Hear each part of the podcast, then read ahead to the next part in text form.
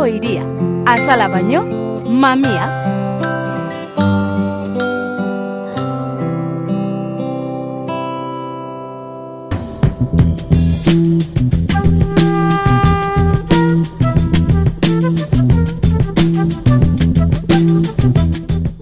Bueno, hemen gaude pendiente geneukan e, elkarrizketa bat e, gauzatzeko tenorean eta Black Beltzaren ingurukoa, noski. Gurekin dauzkagu hemen e, nire ondoan Pedro Noski, Pedro Elias e, igartua eta Fermin Muguruza eta Arkaitzkano. Ongi etorri, zuen etxera, zuen irratira. Opa, kaixo. Eskerrik asko. Eta e, Black Beltza daukagu e, eskuartean, liburua daukagu. Liburua daukagu, eta Fermin, noski, liburuaz gain mm, horren inguruan garatu dan e, sekulako montaje, ez dakit nola definitu ze egin edo ze, nola deitu aldugun asunto hau. Bueno, Black Beltzari ditzen diogu artefaktoa. Eta hemen bilbon antolatu duguna erakusketa. Eta erakusketaren inguruan e, garatzen ari garen oi arduera paraleloak, gehi unidade didaktikoa, eta bueno, ba, erakusketarekin e, datorren guztia. Baina bai, hemen bilbon dagoena da erakusketa, liburua dago, kantua, eta eta, bueno, ba, ba nik uste dut eragiten ari garen guztia, hori da, Bai. Black Beltza. Garatzen ari da, dagoeneko ekitaldi asko e, izan dira ja, egingo dugu errepaso txiki bat, egingo dugu balantze edo valorazio txiki bat, besteak beste expo bat, ambigun, e, Maika Makoski, Manu eta Bosniak, e, Afrika, e, pf, e, Ruper izateko da, Belako, e, proiekzio bat bebai, e, zinema aretoan edo e, golemetan, em, labs edo laboratorioak, em, sukaldea, hori etorriko da, bai, hori izango da. Horrekin agurtuko dugu, esan behar da, otxaiaren sortzi arte egongo dela, eta orduan ba, bai. Benetan Gauz asko ja eh? dira, baina oraindikan falta da gaur egingo, egingo duguna, arkaitzekin, e, Billy Holidaysen kantu mitiko hori Strange Fruit e, ba, pixkat gai hartuta, hortik antiratzeko, eta gero atorren astean orduan Ruper, eta, bueno, aste honetan bertan ere bai, larun batean, Muhammad Aliren urte betetxe izango dela, irugaita mair urte beteko ditu, eta orduan ba hori ospatuko dugu, goizean ere bai masterclassa egiten e, dantzarena, Raquel Koroma eta Makadi amerekin, Arratzaldean dezetak ere egingo du masterclass bat eskaratzaren inguna, eskaratzaren historia nola joan zen ere bai sartzen funky musikan, soul ez, baina bueno, baina funkian batez ere eta hip hoperaino. Eta, eta gero gauean hemen amigun baita ere jai bat e, ali jaia ditu dioguna e, irugaita mairu, ospatzeko urte betetze hori.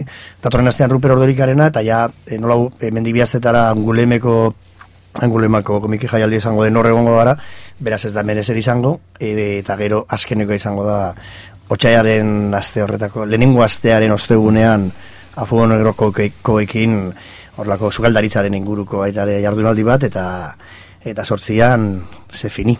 Bueno, hemen jenteak ja brometan eh, aipatzen du enpadronatu egin zarela Bilbon edo komentatzen da joan etorri asko, baina nik us- eh, segurazki, ba, zure bizitza osoan joan etorri asko egin dituzu Bilbora eta irunetik eh, Bilbora eta baina azken honetan uste dut errekor guztiak apurtu dituzula, ezta?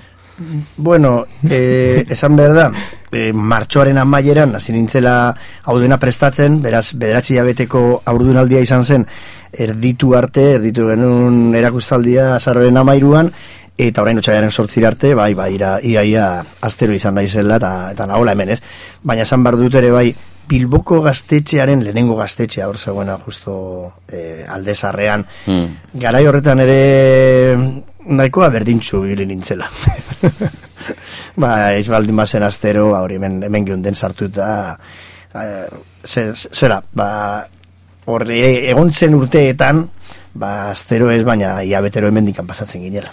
Bai, bai, gero eh, orain ipini dute aulas de la experiencia edo, bueno, alako EHUren alako eh, adar bat, eh, gente heldua, bueno, gente heldua edo eh, horri begira, oza, justu gaztetxearen eh, eh, jin eta jan, ez da gaztetxean bai. kontrako, bueno, kontrako, edo beste, beste eremu bat da, ez da, ez da gazte eremua, dena dela kartelen el casco viejo de Bilbao goratzen dut hor, zu asko ibilitako azara. Horregatik esaten dut, ez da, horregatik batzutan aipatzen dare bai, ba, e, zenbait jende, ez, pentsatzen duela e, Bilbokoa naizela, kanpotik etorrela, zenbait arrazoen gatik, bata da, ba, pizka Barcelona bezala, esaten badu norbaite dela Kataluniakoa, buru, Barcelona.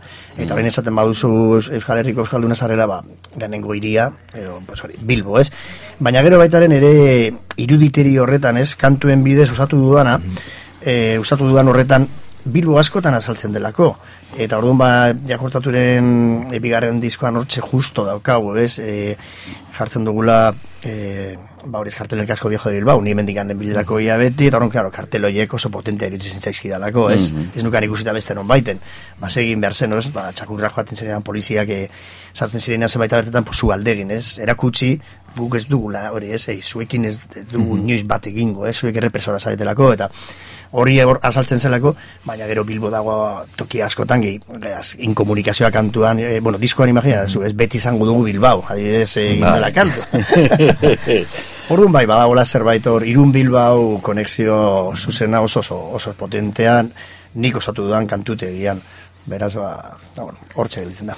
Eta montaje edo eh, anitz honen inguruan, eh, azkenean, zure zure iruditeria edo zure imaginarioa aipatu duzu eta eta nik ere somatzen dudana da ba pilo bat gauza edo pilo bat e, hashtag edo tag edo hitz gako bai. e, aurreko ba diskoetan eta negu eta horre e, agertutako pilo bat e, konzepto daudela Black Beltzaren inguruan. Azkenean, ezote da zure irudi edo zure imaginarioaren inguruko erakusketa bat, ez? Ez, daguna da keinuak de, deitzen dizkio. Nik, mm.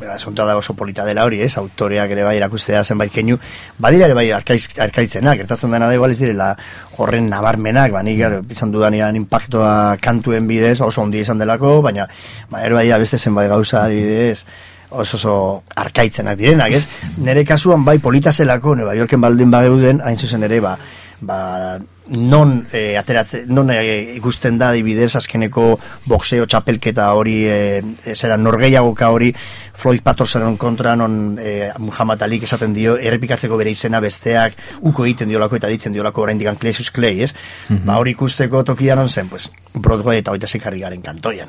Mm Non baiten kokatu behar dugu, ba, non kokatu behar badugu hori ba izan behar da justo mhm. hortan ez dela bakarri gainera niri referentzia egiten didalako baizik eta egiten didalako baitare musika, euskal musikan izan dugun erraldoi bati mhm. edo erraldoiari posible dugu esan bai. konzeptu horiek ere, claro, Mikel Aboari Claro, eta Mikel Aboaren, Mikel Aboak egin zuen kantu hori, Beltor Bretzen mm -hmm. kantu gazalako, e, eh, olerkia berak euskaratu zuen, nik hartu nuen egiteko negu berrek lehenengo kantua, eta hortik enbiatutu nuen izena. Mm -hmm. Bai, ezke Mikel Aboare bai ateratzen da pelikularera maieran. Beraz, eten gara, gabean eri gara, nire keinuak ere bai, mm -hmm. baina jolasten gero azalduko diren beste zenbait gauzekin. Beraz, mm -hmm. nik uste dut horregatik e, liburu honen irakurketak eskatzen duela ere gero astea ja fiskat sartzea ere bai sakaunago detaile pila batetan. Mm Eta abia puntua eta hiri nagusia ere New York izanik, ba arkaitzek e, ba harreman bat eh, badu New Yorkekin, e, gogoratzen dut piano mm. gainean gozaltzen eta hor liburu horretan e, bizipenak edo bueno, pasadizoak edo e, jasotzen zenitu era, ezta? New York asko asko markatu zaituen e, iria dela, ezta? Bai, behin esan nuen ez nuela gehiago New York buruz sekula idaztiko eta geroztik e, New York buruz idatzi besterik ez dut egin. Orduan, ba azkenean onartu behar da, bueno, ba oso sasoi berezian harrapatu ninduen ni ze bidaia ark eta egonaldi ark eta orduan ba hor geratzen da ez zure nukleo horra oraindik bigun dagon garaian harrapatzen zaituzten kantuak eta hiriak eta lekuek ba hor nahi da nahi ez azkenean agertzen dira etengabe. Eta Nueva Yorkenik musikarekin lotutako mm, oroitzapen desente ditut. Egia esan asko. Eta gaur agatzaldeko saioan ere itzeingo dugu horri buruz, eta musika beltzarekin lotutako hainbat eh, anekdota ere bai. Eta ez bakarrik piano batekin bizi ginelako, hau da, piano zar bat geneukala etxian, ez inolako lujoa zelako, baizik eta etxegolako piano ura handik ateratzeko modurik, orduan eh, piano destartalatu bat geneukan eh, gure gure gela, gure mai lof, lofta hartan, bai, mai bezala erabiltzen eruna, ez? Da gero, bai, gogan daukan dola behin, goizean goize etxetik atera, eta topatu nituen kalean botata, hogei vinilozko disko, Van McCoy eta Donna Summer eta musika beltz hogei disko topatu nituen. Sakrilegio bat.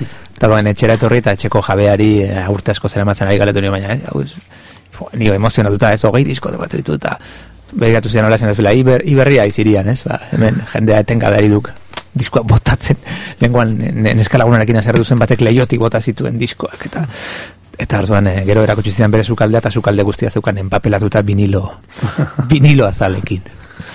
Bueno, eta gero eh, eh, zinea, bueno, uste dut ere ez bakarrik gaurko so, eh, salasaldi horretan eh, gehien bat edo gehiago musika agertuko dela, zinea, musika, literatura, etengabe mm, nahazten eta elkar lotzen diren eh, eremuak dira, ezta? Negu gorriak era berriro, eh, Do the Right Thing, Spike Lee, beltza, berriro eh, tematika beltz hori, eh, mm, hasierako garai hartan publikenen miren eh, eh, aldarri hori ere eh, argita garbi bo- beltzen eh, jarrera hori, jarrera beltzen eh, jarrera pantera beltza, be- jarrera hori ere oso agerikoa zela negu, negu gorriaken eh, astapenetan ere, ez? Bai, bai, bueno, esan behar dut, e, nik uste dut ibilbide osoan dagoela horroz oso markatuta, ez? E, hemengo punkaren garaian zuzen ere, baul lehenengoetarikoak, baita izan genela ertzainakekin batera dibidez, ba, ba horrezka eta rege, eta horrelako musika bai aldatzen, aldarizkatzen genuela, konturatzen ginelako baita ere, bueno, ikusten genuelako justo e, punk gunetatik, hain zuzen ere, hori e, zetorkigula ere bai, ez? Nez eta hemen horrendikan izladatuta segon. Alegia, ba, Londresen bertan, ba, Sex Pistols jotzen zuen Steel Pulse taldearekin, edo Dr. Alimentado ere bai Siuxion de Bansisekin, eta hardcore ere bai hasi zenean, ba, direz Washington DC, hor e, minor, minor Threat eta hola, ba, hor zegoen Bad Brains ere bai, justo beltzeko osatutako hardcore eritalde igual haundienetakoa, hardcore basatia egiten, baina gero baita ere rege zenbait kantuz, kantuak e, tartekatuz, ez? Eta hori izan ziren, pues, justo kartaturen hasiera eta eta era negurekin ba dudik ez, ez? Ba hor zegoen ere, ba bueno, Spike Lee, dudera izan Malcolm X eta iruditeri guzti hori baita ere hor zegoen, baina bueno, gero nire ibilbide bakarlari gisa ibilbide horretan ere, ba horreten gabean ateratzen direla figura guzti horiek. Bueno, eh, apur bat musika igual entzun aldugu? Bai, Entzun dezakegu noski, noski, musika noski. harintzeko pitxin bat eh, aintzakoena direzen azterketa azterketa batzuk. bueno, ba, liburu, liburu honetatik, eh, komiki liburu honetatik eh, zuk azaldu duzun moduan leku askotara, ez da, norabide asko dauz eh, emetik abiatzen direzenak, eta hemen beha agertzen da, eh, New York, zuk eh, esan duzu, E, azkenengo bolada honetan ia bakarrik New Yorki buruz abiz e, idazten edo naiz eta asmoa ez izan hasieran. Eta bueno, New York agertzen da jakin hemen. Eta agertzen da bai e, e, bueno, komiki moduan bineta batean oso argazki famatua faktorin egindakoa. Nun Velvet Underground, Warhol eta barrekoak agertzen ziren. Eta bueno, pentsatu dut orain posiblea denez euskeraz entzutea lurrit Velvet Underground musika hobeto esan da, ba Velvet Underground entzungo dugu ontxe, baina e, euskeraz, e, lurrit mila esker disko honetan, badauz, bueno, kantu guztiak dire zoragarriak benetan, eta berzinoak, e, egindako berzinoak, e, zera, e, txuma murugarrenek e, itxuli dituen e, kantuak, Eta nik aukeratu dut e, kanturik eta azarrena hemen dagoena, jakine. E, dagokiona liburu honetan dagoen argazkiarekin. E, garai hartan, e, Warholek eskatu zion lurridi mesedez egiteko kanturen bat nikorentzat, bereziki nikorentzat. Eta berak egin zituen bi, uste fein feitzal izen, izen zen bat, eta bestea I'll be your mirror, entzungo duguna, baina madi hoien arten e, abotzen. Guazen, izpilura, izpiluan, gure burua ikustera.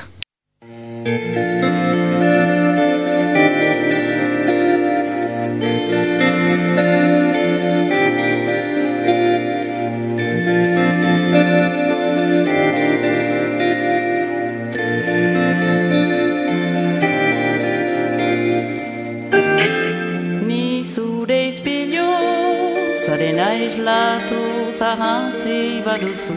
Ni aizea, euria taratxa bidea zehazten dizun argia. Barne ailuntzen zaizunean, zekentazita sentitzea. Utzi eraiten itxu zaudela Otoi jaitsi eskua Ikusten bat zaitu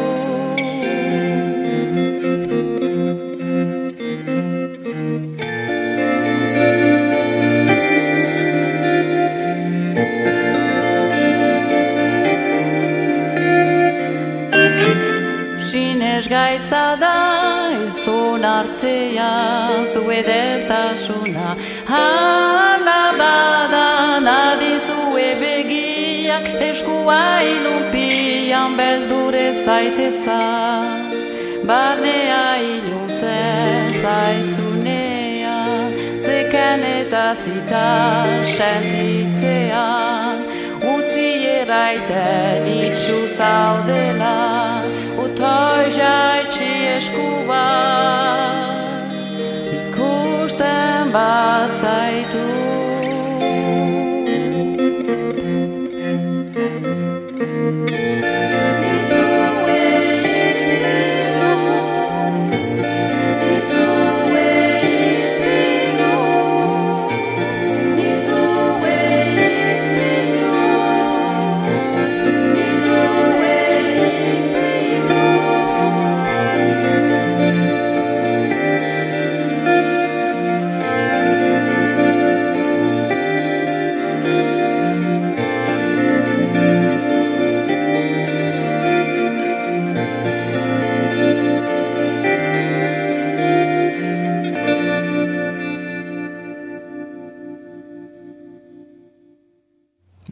hor eh, entzun dugu I'll be your mirror.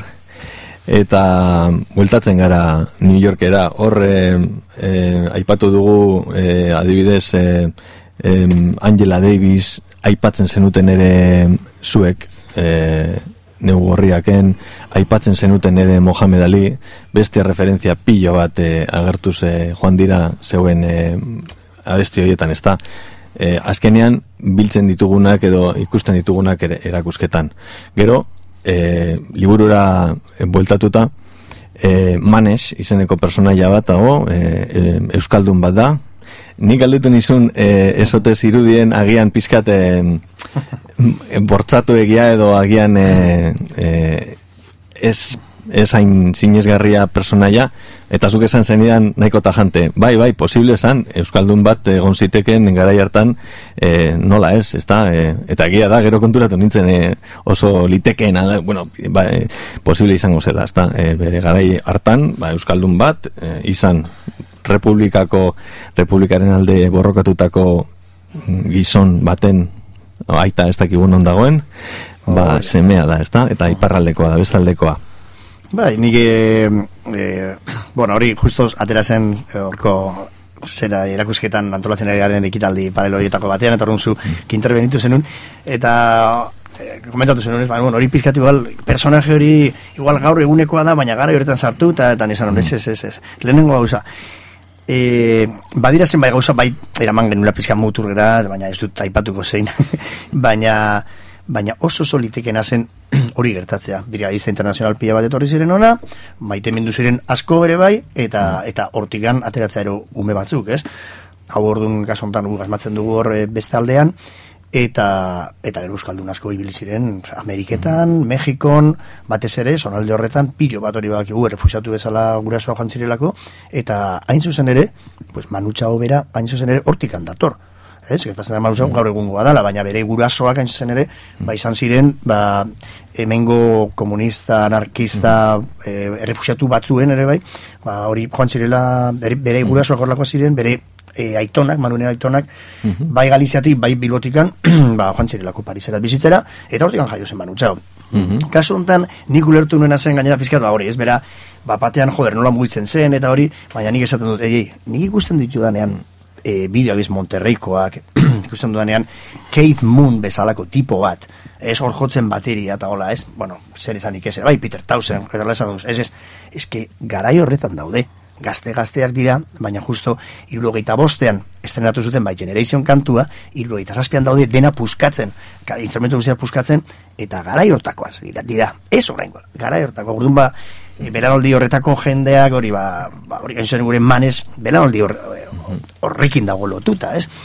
eta eta orduan ba, ba hori argi eta garbi, ez? Bez, e, hori bez, eta hori bezala hori aipatu du orentxe bertan factory, pues factory ibiltzen ziren guzti hauek, pues Velvet Underground eta eh pues Nicole Reed, Warhol bera, pues garai hortakoak ziren.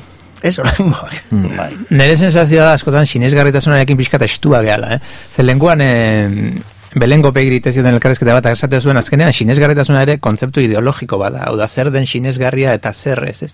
Ta espaldi hontan badirudi badagolarako fiskalizazio bat literaturan eta realismoarena edo sinesgarritasunarena ez, ez, gertagarria bada zergatik ez da sinesgarria izango, azkenean marrazkilariaren eta gidoilarien talentuaren araberakoa da sinesgarria edo ez, ez? Bueno, askotan pixkaten korsetatu behite ditu gauza, jakina, fikzioa egite duzunean, egite duzuna da sintesiarik eta bat, eta konzentratzea horri alde gutxitan, leku gutxitan, eta espazio geografiko urri batean, ba, gauza asko behar bada dispersoago zirena garai horretan, ez? Baina hori da gidoilarian lan, azkeneko, azken finean. Mhm. Gero, eh, badago lagun batzuek egin diaten komentarioa, irakurtzen liburua, bueno, ba, personaje honek, eh, nolabait, arilkatu edo egiten ditu, ba, gune eta irurogeita bostean kokatzen gara. Gune, por, Bai, gero, bide batez oso sinesgarria izan daiteke, ba, berrogeian jaio eta hogeita bostin urte inguru eukiko Hori. zituen persona bat, ezta? Hori da. I, ailkatu egiten ditu, garai hartan, ba, ba, ba puri-purian izan ziren referentzia batzuk, ez da, ba, ba, Algeria, eh, Kuba, eh, noski, eh, Pantera Beltzen eh, asuntoa, eh, eta hor, berak, eh, eh, azken finean, em, itzordu oso, ge- geratu direnak oso, ez dakit zegaitik, aztertu beharko dugu, ez da, zegaitik eh, garai hartan, eh, oso garai konbulsoa, eh, aipatu zenuten hor eh, txampona Hmm. nolabait airean zegoela eta ez genekiela edo ez ekitela garai hartan norantze jauziko zan Euskal Herrian beranduxago geratutu zan eh, egoera ia, ia iraultzaile bateraino edo bueno hor eh, on daitezke valorazioak ez da beranduxago izan zen beste gauza batzuk direla medio klaro Euskal Herrian Frankoren eriotza eta baina garai hartan bazirudien eh, dena posible zela, ezta?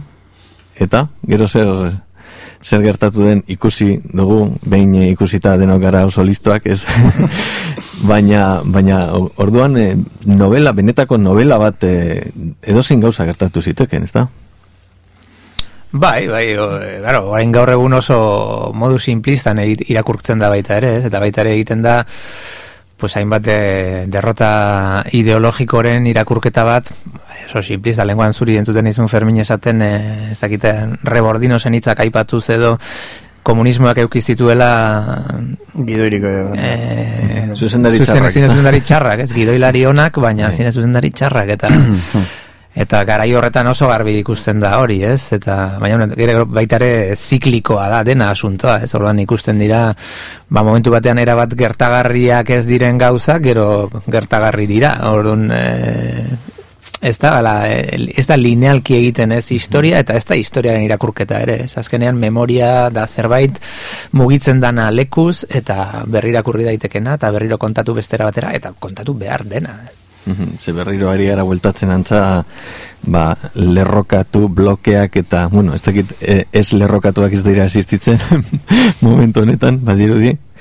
Dena dela, Hombre, guk egiten duguna baita ere, e, hemen liburuan, da, kontatzea historia bat askotan ere, ez dena kontatzen do bintzak gero eta em, astuago gelditzen ari dena, ez? Da, zuzen ere, basirela bi bloke, ez? Baina bat zegoela baita ere, saiakera bat sozialistaren artean ere bai, esalianeatuen e, herrialdeak batzeko eta beste internazionalista hori egiteko. Ba, zegoen bi bloke eta bata zen NATO, OTAN eta bestea zen Barsobiako paktua, ez? Baina hortikan kanpo lehenengo herrialdaia justo gainera Europa ekialdean zena zen hain zuzen ere Jugoslavia. igual horregatik hori ez zioten inoiz barkatu eta gero ja beran dago ikusi genuen Balkanetako ere bai gerra.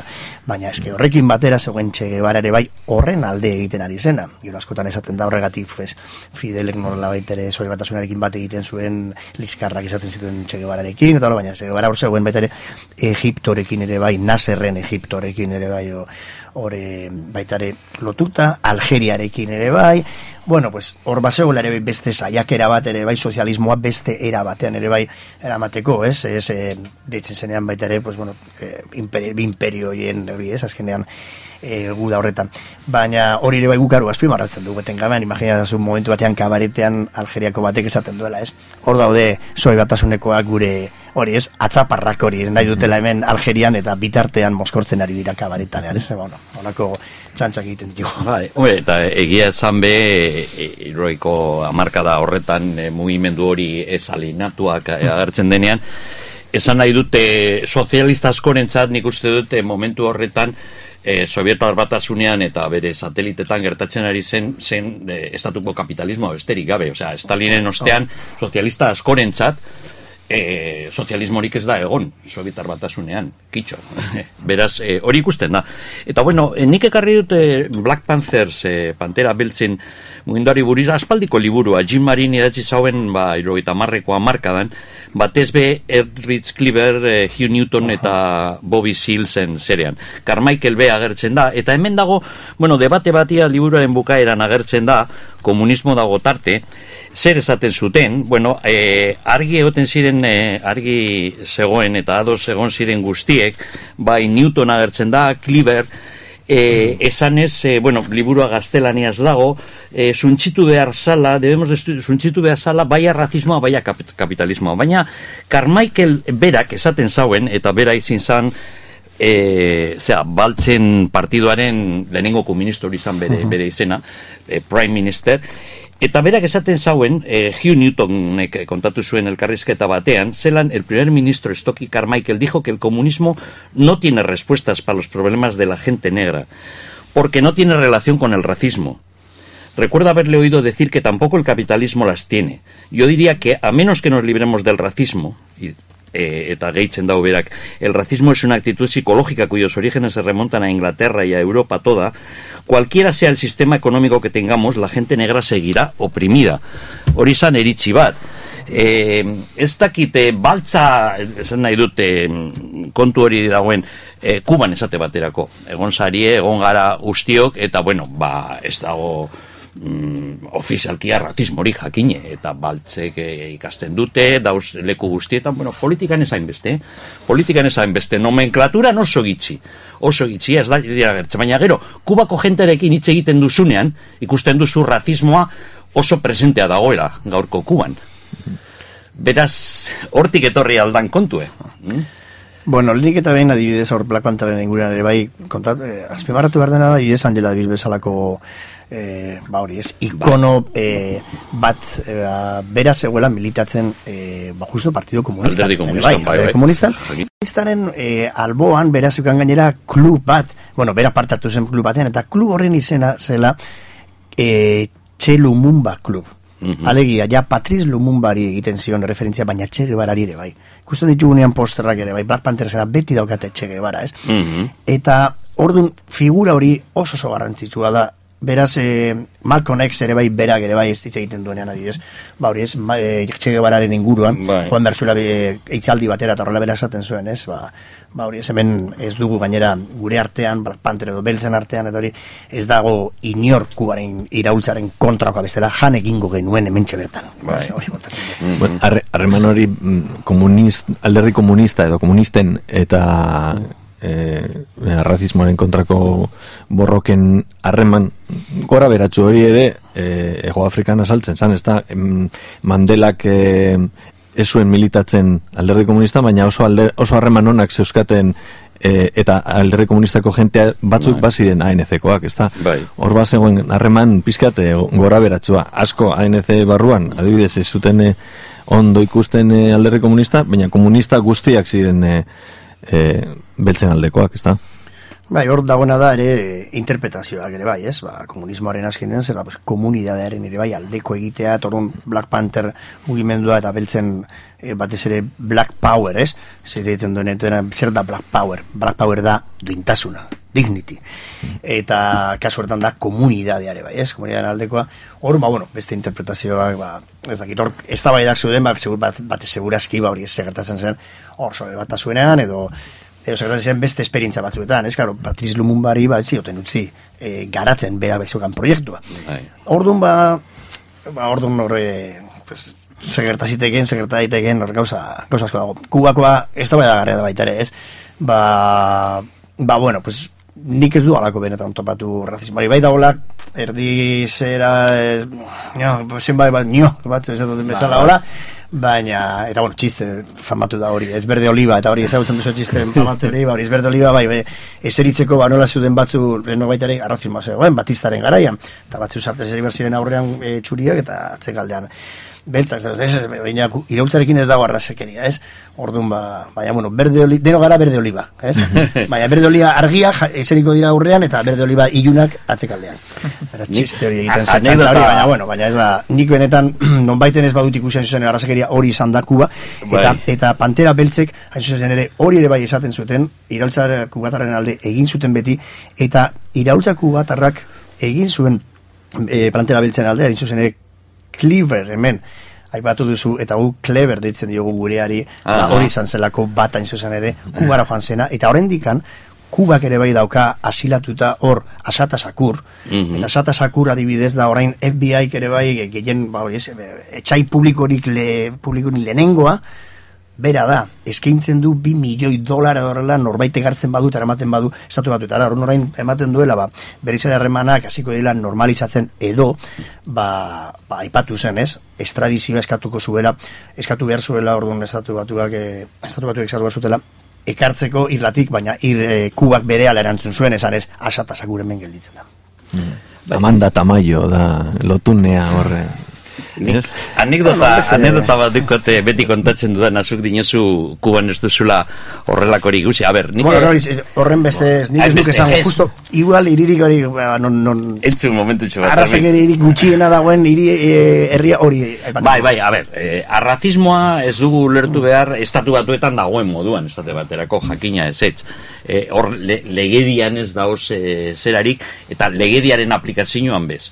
Baina badago kontu bet, eta anekdota oso, oso polita da. Nire lagun batzuk, eh, Santiago, bueno, Santiagokoak ez, baina Santiagotik nahiko, nahiko gertu, eh, mendikoak, eh, Sierra Maestrakoak, eh, jentea partidukoak dire, esan nahi dute aspaldi da ni, jente oso komprometitua, eh, eurek zuriak dire, kasu honetan, eta, bueno, eurek eh, esaten zuten, eh, konfiantzaz behintzat, zukaldean, eh, kalean ez, baina etxean, etxea, euren etxearen barruan zagozenean, ba, bueno, nola baite ikusten da, arrazismoren arrasto bat desagertu ez dana, zelan onartzen zuten familia mm, batean zurie, baltz bat sartzen bada familia horretan. Puntu hori esate baterako, hori oso, oso garrantzitsua da. Eta berak bazuen, eta nik banuen, lagun bet, lagun hori e, medikua zan, zan baltza guztiz, eta oin, oin gitzi orain urte batzuk ganan egon zan, bi urte hor lan egiten bakizu. Bueno, eta mm, berak hitz egiten zagoenean, ez mespresuz, baina pur bat, susmoz, beltzei buruz, eten nio, baina zure lagun mina, hause da, eta berak esun, baina bera ez da beltza. Beraz, hor dago beste irakurketa bat, zer den beltza bat eurentza. Bai, bai, bai, bai, bai, bai, horregatik. Ulertzen Ni-? Bai, bai, bai, bueno, niri ez zango litzatek Beraz da beltza, oso... oso, oso beltza zen. Bai, Beltza bai, baino bai. beltza. Eh, ez diot esaten zen, da azul. Eh? Hori da beltza da. Urdin iluna, ez? Bai, bai. Azul. Ez, baina, bueno, imaginazu. ni- Negro ni- telefono. Ni orain egon naiz eh, azkeneko urteetan nire bajularia kubatar bat da, beltza, bel, Mm. beltza, eta, eta gero perkusionista bat ere bai txuria izan nuen, eta bi lagun minak bi hoiek ziren, eta ez diet inoiz aipatu haik izan dutenik horre, hain zuzen ere, ba, ba kuban inongo episodio arrazistarik izan. Osea, Ez, inoiz ez, orduan. Eta ordea, eta ordea Madrilen bitona baretegun batean, pues, nazi batzuekin eta horrela, pues, pues kriston ostia jaso zituen, eta hola ez, orduan ba, izaitea da, gauza ezberdinetaz. Hombre, pentsatzen dut, da, relativizatzeko, ba, azkenien fondo bat badagoela gizartean eta alako batean, on dela esain beste urte, etorri da iraultza eta balio batzuk sartu dituela, baina, bueno, inertzia batzuk hori normala da agertzea edo, baina, bueno, e, konparatu daiteke Dominikana eta Haiti artean Claro, dagoen... e, Nik uste dut hori, hori hortan dago gakoa, ez? Baina gero ere bai, eh, imagina, zuzere ezagutzen duzula ondo dirla, pues badakizu nola immigrazio, barneko imi, bueno, eh, naiz eta ibekatuta egon adibidez, Bai, pues, Santiagotik bai, bai. asko joaten direna barna, Habanera. eta hoiei naiz eta txuriak izan ditzen diete ere bai palestinoak. Bai, bai, bai, bai. Orduan, ba, bueno, pues, Bai. eso, eh, egero herri zume, eh, eta hola, pues, bai, alako triki maioak. eh, Ba, ez da, ez da gainera hegemonikoa Kuba oso anitza da, hor Bai. eh, sustrato asko daude hor. bueno, bueltatuz eh, liburura, eh, lagun baten eh, komentario daukat, eh, eh, ez dakita oso ongo zareten, agian da ez gaudelako oso oituta eh, eh, novela grafikoak irakurtzea, ez da? Esaten dit, eh, kontakizunaren denbora eta gertak, gertaeren urrenkera hori aurkesteko mol- moldea zaila egiten zaiola em, em, gertakari asko elidituta bezala e, agertzen, ulertu behar direla, ez da historia ondo jasotzeko, klaro, e, ari gara novela grafiko edo beste hitz batzuekin komiki esaten dan horretaz, ez da? E, ez da liburu bat, non detaile gehiago edo e, jasotzen diren, ez da? Agian hori da, e, ez daukagula tradizio edo oiturarik e, horrelako komiki, komatxo artean serio edo ez e, irakurtzeko? Ba, geruza asko ditu liburuak, ez? Hori irakur, irakurtzen baduzu aventura historia bat bezala, ba, oso errax irakurtzen da nire ustez, orain, ba, ba, poliki hau irakurtzen hasi ezkero, eta ja kontzeptzio historiko batetik, eta ikuspegi iku- historiko batetik begiratuta, eta detaileak eta pertsonaia bakoitzan nor den, eta hau existitu ote zen, eta beste hau ez ote zen, eta horlako xeetasunetan sartuzkero, baina komplejioagoa da, ez da hor- hortarako dator baita ere alondegiko erakusketa hori osatzera, ez nor zen nor eta zer egiten zuen bakoitzak. Badago, lehen aipatu dugun bezala, ez, sintesi ariketa haundi badago, ez, hor, espazio laburrean eta denbora laburrean gertatzen dira gauza asko eta gertzen da pertsonaia asko, ez. Mm, Nik ez daukat impresioa bereziki mm, trabatua denik irakurketa ala ere, esango nuke. Mm, Esan behar da baita ere zine gidoi batetik datorela hau dena, ez? Osea, animaziozko pelikula baterako gidoi bat zen. Eta beraz, claro, e, mugimenduarekin eta zinean eh, animatua izan arren, pues, gauzak eh, beste era batera ulertzen dira, eta horren, horren, horren egokitzapena ere sintesi ariketa bat da. Eta horren aukeratu behar izan dira gauza batzuk, eta beste batzuk elipsian utzi, ez? Nik esan behar dut ere, egia dela, bi personek ere, aipatu diatela zuk esan duzuna bentsa bertan, ez? Baina justu ere, bi persona horiek e, oso oso komiki gutxi irakurri dute, eta haiek esan ziaten, ez? E, hasiera, biek gainera gauza berdina, ez? Eta e, kontatu ziaten, e, hasiera zai egin zitzaiela, ez? Baina gero ja order, e, ba hori ez, lehenengo, hori ez, kubatik aurrera dorra, ja orduan, ba, joder, hobeto sartu zirela, baina zela lehenengo elebri grafiko bat horrela, ba, hori ez, komiki luze bat, eta helduentzako egindako lako zerbait, hartzen zutela, ez? Eta orduan, ba, gero oso gustora berriz ere bueltatu zirelako, ez? Eta bat da justo hemengo e, gabrielistiko irakasle bat, e, etorri zena gero erakusketara, eta hola, eta esan zidan, ez? Joder, gero ja irakusketa ikusita, eta hola, joder, ba, ba, hori universo bat zegoela hor sartute, baina bai, hasieran nik uste dutela ohitura falta bat, e, oso jende gutxi dago, ba, hori gustu doituta, komikia ere bai irakurtzeko, ez? Igual ematen dio ere bai V for Vendetta ere liburua, eta jo, des, despistatzen da, bat, baina hortikan gero egin zen gainera pelikula, ez? Eta ez dakit, e, oso ondo dago orduan horregatik baita ere, ba, nola guk egin dugun hori igual, zenbait jende hurbildu da, ba, batean genero, genero honetara. Mhm. Eta nola izan zen e, e, zuen bien arteko prozesua, ze, bueno, e, bueno, esan dut, urrenkera hori da, ez da zuek lehenengo, gero galderete, baina get, zuek hasieran halako ez dakit storyboard bat, edo ez dakit zer egiteko asmoarekin jarri zineten, edo jarri zineten erako ja bazeneukaten argi novela, egit, novela grafikoa egitea. Ez, Fermine deitu zidanean, deitu zidan, oso ondo gogatzen dut egun hori, e, zeukan fotokopia bat, horri alde bat zen, e, egunkariko ebakin bat, agertzen zena, albistea, benetako albistea, irurogeita bostean, iruñako erraldoiak joan ziren oerken desfilazera, eta beltzai ez zioten utzi ateratzen. Hori zen, horren zaten, hau, Zortziko handian. hau da agona. Bai. Eta, e, bora, nik erdi brometara zeru, baina jatena hortzegon. Horri alde bakar horretan, azkenean egin behar izan genuen gauza bakarra da, akordeoia zabaldu, zabaldu, zabaldu, zabaldu, baina berez, ura zan e, abia puntua, trampolina, eta oso urrutira eramateko aukerak zituena hasieratik, ez? Eta hasierako idazten zen, ba, zen, esan bezala, gidoi bat idaztea, hori zen bere Ferminen asmoa, eta hori genuen, animaziozko pelikula bat helduentzako izango zena. Ez, gara, Persepolis eta Balskon Bashir eta garai hori zen, ez? Mhm. Pelikula oie, puri-purian dabar, eta eta hala idatzi genuen, eta idatzita dago.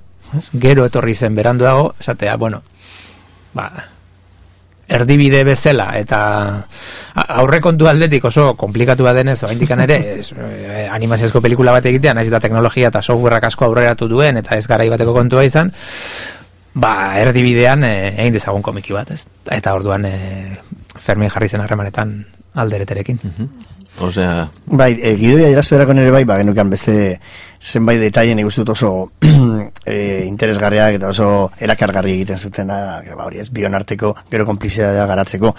Eta zen ere, ba, nila baneukala baita ere, historio, historio bat e, entzuna, ni kontatu niona arkaitze gainera, ba, nola, e, kubako zerbitzu sekretuek lagundu egin zuten zenbait e, pantera beltza ateratzeko estatu batuetatik ere, eta errefusiatzeko errefusiatu estatua lortzeko kuban eta orduan ba neukan bidaia eta orduan ba hiriburuak neuzkan ja puntatuta. Claro, horrekin ja sekuentziak ia ia geneuzkan ja hor, ez? Gero egin behar genuena zen toki bakoitzean bilatu zein zen bere kontaktua, bere konplizea, norekin harremanatu behar ziren, norekin harremanatu behar zen, eta garai horretan ze gertatzen zen, ez? Orduan, ba, bueno, izan zen ez joku bat bezala, baina bai izan zela oso, oso emozionantea joatea deskubritzen garai hartako hiriburu horren horretan edo herrialde horretan ze gertatzen ari zen. Orduan, ba, bueno, e, pizkat metodoa izan duzen, hasieran ba hori ba, pelikula baten gidoi esango aliz bezala, sekuentzia, sekuentzia, eta ero sekuentzia batean baldin bazegoen solasaldi bat, gero garatu e, solasaldi guzti horiek. Osea, solasaldi hoiek, bueno, egiten duzuen erako filma, ez duzu... Hor daude, bai, claro, nila aztuan neukan zer zen bain, komikiarekin gabiltza eta komikia da, ez dagona.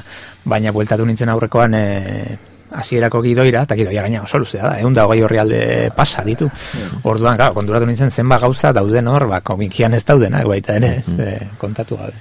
Bueno, hori egiten duzuenean, ja, eh, hor, kostatzen zaiona garrapatzea, ba, agian horre azkenean... edo gehiago nahaz pilatuko da, o ez dakit. Laburregia da, agian, komikia, beste un horri edo berreun falta dire, ore. Zeratik ez, bosteun, seireun eh, horrietako komikiak bada gaur egun. Alderete, Bai, parte- bigarren bero, parte, balitz, novela eh, grafikoak, zerbait eh? izango lizuke.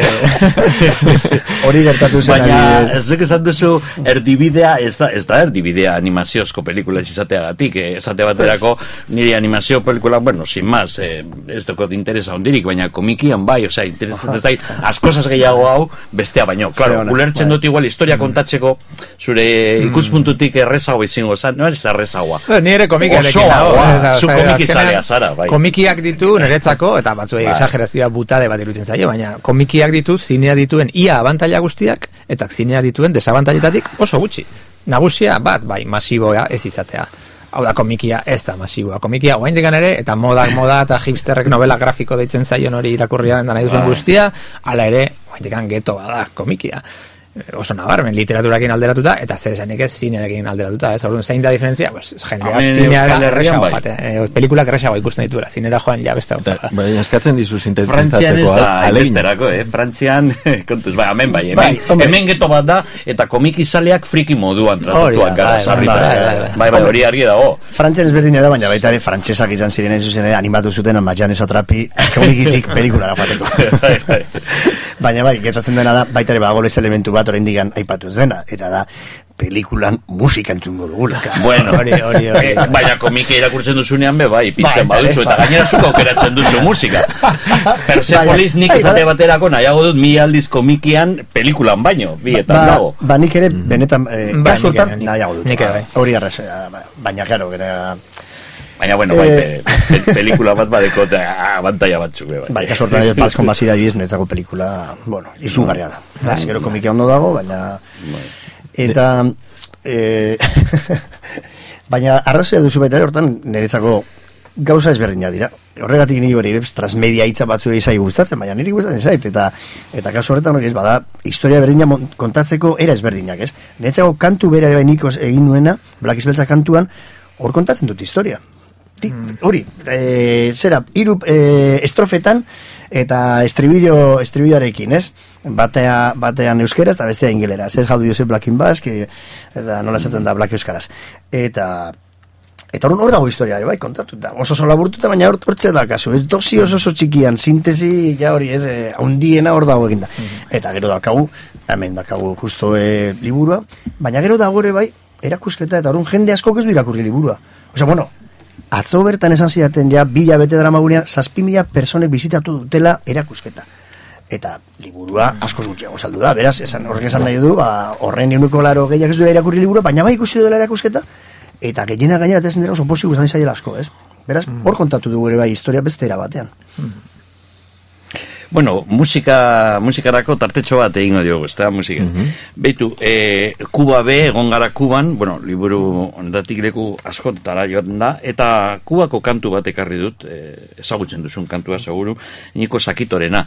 Niko Sakito hil zan e, Santiagon, oso zaharra zanean, laro piku urterekin, eta bueno, berak komposatu zituen, inok ez daki zenbat, eundaka guaratzak batez be, E, Niko Sakito e, disko honetan, hau grabatu zan oso zaharra zanean, laro gehi urte pasaute, e, Elia de Ochoa eta Kuarteto Patriakoak badauz berarekin, e, zuzenan grabatu zan disko honetan, eta bueno, e, e, a, hemen dago aurkezpena, aurkezpena oso ona da, ez dakit nork egiten dauen, e, partiduko batek egiten dau, kuban e, aurkezpena, eta oso, oso polita da, oso polita benetan. Eta jarraian agertzen da, e, zera, gure Niko Sakito, Antoñito, Antoñiko hortik, Niko Sakito, Sakito, beisbol salea morratua zan, eta sako moduak garrapatzen zituen, e, sako bat izango balitz bezala, pelota guztiak, eta pelotero ni emon zioten izen hori, e, beisbolen gati, Niko Sakito. Albai bendimi karreta da kantu famatu hori. Entzungo dugu beraz. Benito Antonio Fernández Ortiz, Nico Saquito, nació en Santiago de Cuba el 13 de febrero de 1901. Según el propio decir, de quien sin dudas es uno de los más importantes creadores de nuestro acervo musical, cantaba desde el vientre de su madre y siendo muy joven empezó a componer. Nico es autor de más de 500 canciones, muchas de las cuales prácticamente han recorrido el mundo. Como un ejemplo de ello bastaría mencionar a Compay Gallo, María Cristina, Taleo, Chencha la Gambá, Al vaivén de mi carreta y otras tantas que constituyen el reflejo de toda una época. Este artista genuino, este antiguo pelotero y fundidor, que por otra parte no estuvo indiferente a las luchas sociales, a sus más de 80 años sigue creando para la colectividad. Nico, parecido a esos cuartos bates cuya presencia conmociona a los aficionados, aún está en el cajón de bateo. Mírenlo, se empolva las manos, toma la guitarra, al bate Nico Saquito.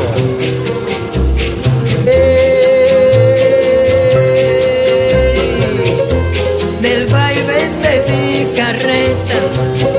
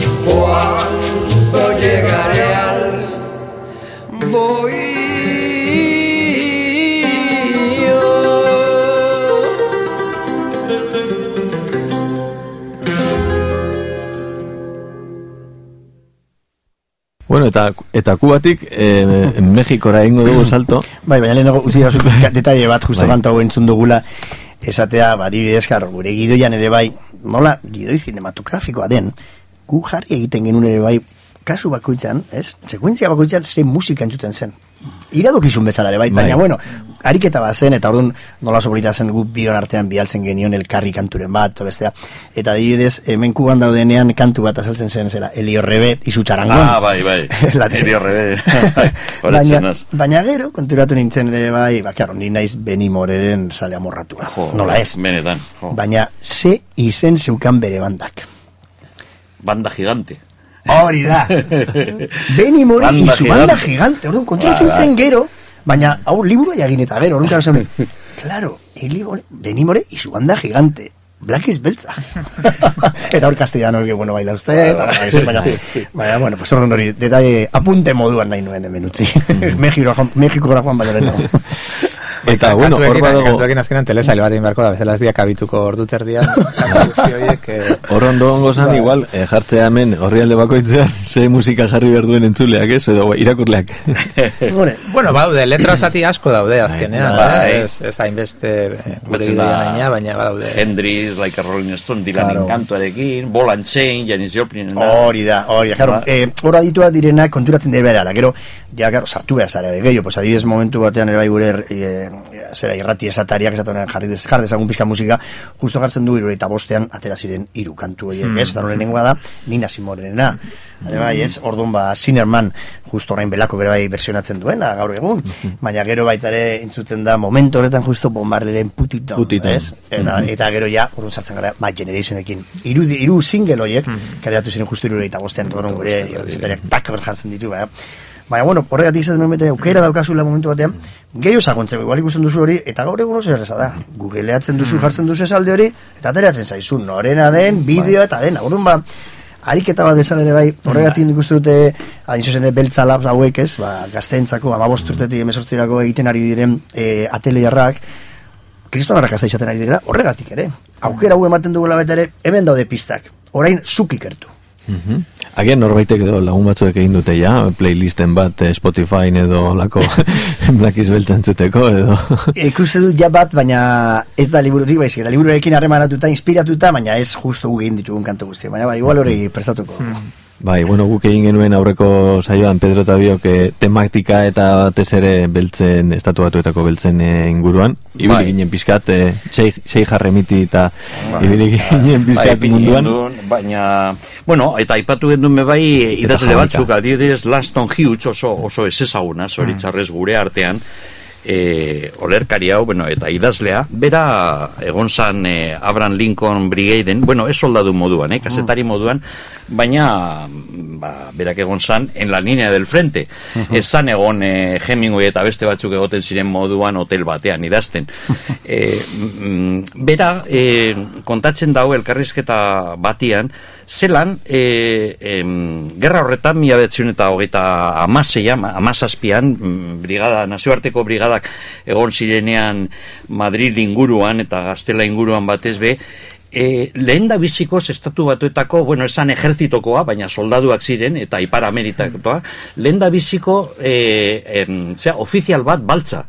Eh, ze, esate baterako Ah, bai, bai. apartheid jarraitu zauen estatu batuetako ejertzitoan berrogeita hamarreko hamarkadar arte. eh, bigarren gerratean ondino basegoen, naiz eta harinago brigada, nazioarteko brigadetan hori gertatu. Hori, Laston Hughesek eh, idaz, idatzi zituen poema olerki asko, horretaz eh, ikusitako ari buruz, eta badago bebai gerokoa, hau eh, Laston Hughes komunista zan, eh, egia esan liburu hau Moskun eh, erosi nuen, dago errusieraz eta ingelesez poema guztiak, eta hemen poema batian, em, eh, zera, The Same, berdina, eh, deitzen dana, aztertzen dago pitxin bat eh, ikusi duguna, berak az, eh, azten da On the Dogs of the Sierra Leone, Alabama, Kimberley, Haiti, Central America, Harlem, Morocco, Tripoli, era, aipatzen da, ez da, blood running into, eh, odola eh, dagoela dolarretan, libretan, frankoetan, pesetetan, liretan, Eta, bueno, Blaston Hughesen e, zera, mm, persona jau, e, idazle hau oso, oso garrantzitsua da, oso ez ezaguna esan dudan moduan. Eta berak e, kontatzen dau, zegoenean Espainiako zera, gerra zibila horretan, e, nas, bera baltza zan, ikusten zituen baltzak, e, hor ziren Abraham Lincoln brigadean, asko, be, ez dakit, eguneko hogei baltzak ziren. Eta e, berak ikusten zituen Frankoren fastisteekin, e, Marruekosekoak eta Marruekoseko asko oso baltzak ziren, baltzak ziren. Eta berak esaten zuen, Laston Hughesek, mila bedatzen eta hogeita e, meretzian, koño. Hemen gabiz baltzak bi aldeetan. Gure artean, e, zera, e, hiltzen, besteentzat, zurientzat. Berak egiten zuen azterketa hori be, eh? Bueno, berak eh, uste dute ez zuen konparatzen jakine komunista izanik aregi txiau eta brigadetan egondakoa fascistak eta besteak, baina mm, ikusten zuen zeo zera raroa hor, eh? baltzen eh, kontu hori. Hori mm, bere olerki askoga agertzen da, eta gero musikan be bai eh, batez be e, irurogeiko amarkadaren aurrera. Eh? Harin hau itxiago, badago salbuespenen bat, J.B. Lenoir e, bluesmanak egin zuen Alabama blues famatua, oso horra dala, berak esaten dago Alabamatik eskapatu behar dala, Alabaman ez, ez dute maite zera bere moduko kantari bat, e, os, ez dago itxaropeni beraren eta joan behar dala, baina gitxi dire estilo horretakoak, blues garaian, eta ritman blues garaian. Gero soulasten danean, aldatzen da, eh, isladatzen da beste era batean eta radikalizatu egiten da e, ipini genduen aurreko programan be e, kantu hori etxeintziz gona kam, e, grabatu zauen zan kukek, e, hil baino harinao, baina uste dut kaleratu zanean hilda zegoen. Eta, eta kantu hori berak idatzi zauen, ze berak eh, esan zauen elkarrizketa batean, koño, hemen dauz e, zuriek Bob Dylan estiloa kantu protestak, eta beltzek ez du kantu protestarik egingo, guk arrazoi mila aldiz gehiago daukagu besteak, baino egiteko, eta berak idazten dau etxeintziz gonaka, kantu paregarria. Hori be, agian entzun aldu. Ba, entzungo dugu urduan.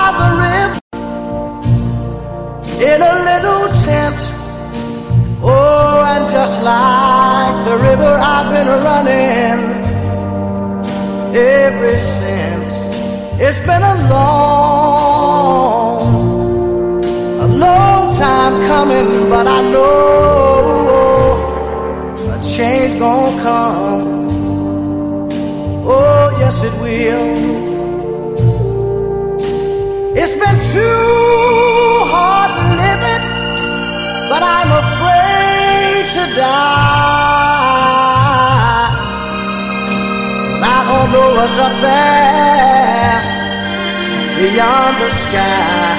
It's been a long, a long time coming, but I know a change gonna come. Oh, yes, it will.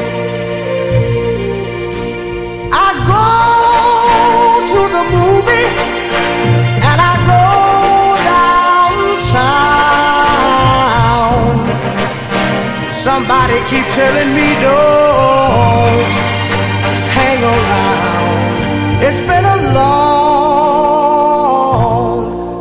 a long time coming, but I know a change gonna come. Oh, yes, it will. Then I go to my brother say, Brother, help me please.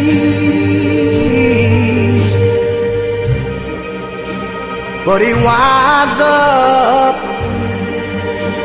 knocking me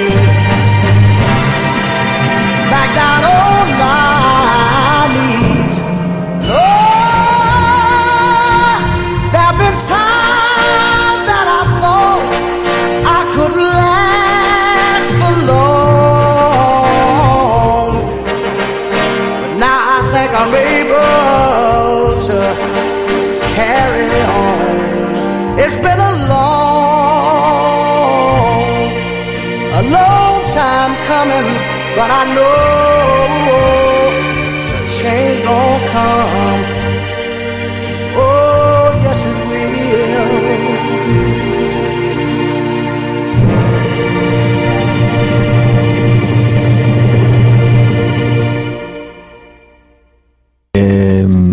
Aipatu nahi nizun, esan duzu eh, beltzen kantuak, beltzen Bai. garai hortan, eskubide zibilen garaian, eh, segaitik eh, beltzen aldeko kantuak gehien bat, eta famatu egin zituzten, ba, Bob Dylan bezalakoek, eta, bueno, hor. Filox eta bai, bueno, baina... Bai. Baina Whistle Overcome, eh, Ah, bai. en- antza denez, ba, eh, jatorriz eh, kantu beltza zen. Bai, baina esan eia jatorrizkoa igual religiosoa zen, ez da? Segurazki, segurazki. Eh, ez dakit nik, eh, predikadoreak izan ziren oso, oso multzo importante bat, ez, eh, eskubide zibilen hasierako urte horietan, ez? Da, eta Ba, religio esatun dugunean gazortan dira sozialak, sozialak eta irautzaileak, eh? Eskapen teologia baita ere gero e, zera, Bai. txurien gauza, bai, baina lehenago ere bai, hau gospel eta musika guzti hori, bai, da liberazioaren aldeko, bai, dagoela baita ere jankoaren irudia, baina haiek ere bai, Bueno. kateak ere bai, kentzeko e, bizitza errealen, errealen, bai. Hombre, hori sinkretismo bat dago Afrikako, hori Kuban be ikusten da, ez estatu batuetan, hombre, egia esan, karo, nik, eh, nik bete esaten nuen programan egiten nuenean programa, ba, gospel musikagaz mesa bat entzuna aldala, jo, eh, bai, jago nintzatekela. gustora be horrelakorik eta Hemen ez dute hori, ideia hori ondo garatu eta... Eh, Bateria bat elizan sartzea ja horrekin asko irabaziko litzateke. Eta hori ja, Harlemen beti beti egiten da. Ezako hor badago, hogeita mairuko kantu bat, ja, ba- baina diskoaren hasiera hasiera baina grabazioa oso txarra da, baina gordeta dago Bessie Smithena. Ah, bai, Abesten zuena, eh, Send Me to the Electric Chair. Hau da, kantu bat kriston umore beltza daukana.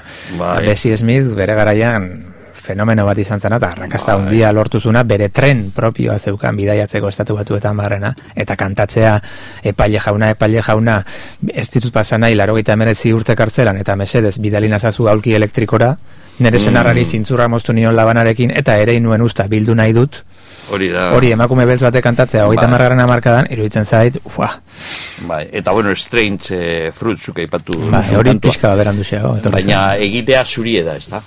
Strange Fruits kantua. Judutarra. Bai, judutarra batek Bai, bai, Abel Mirpol. Mm. Bai.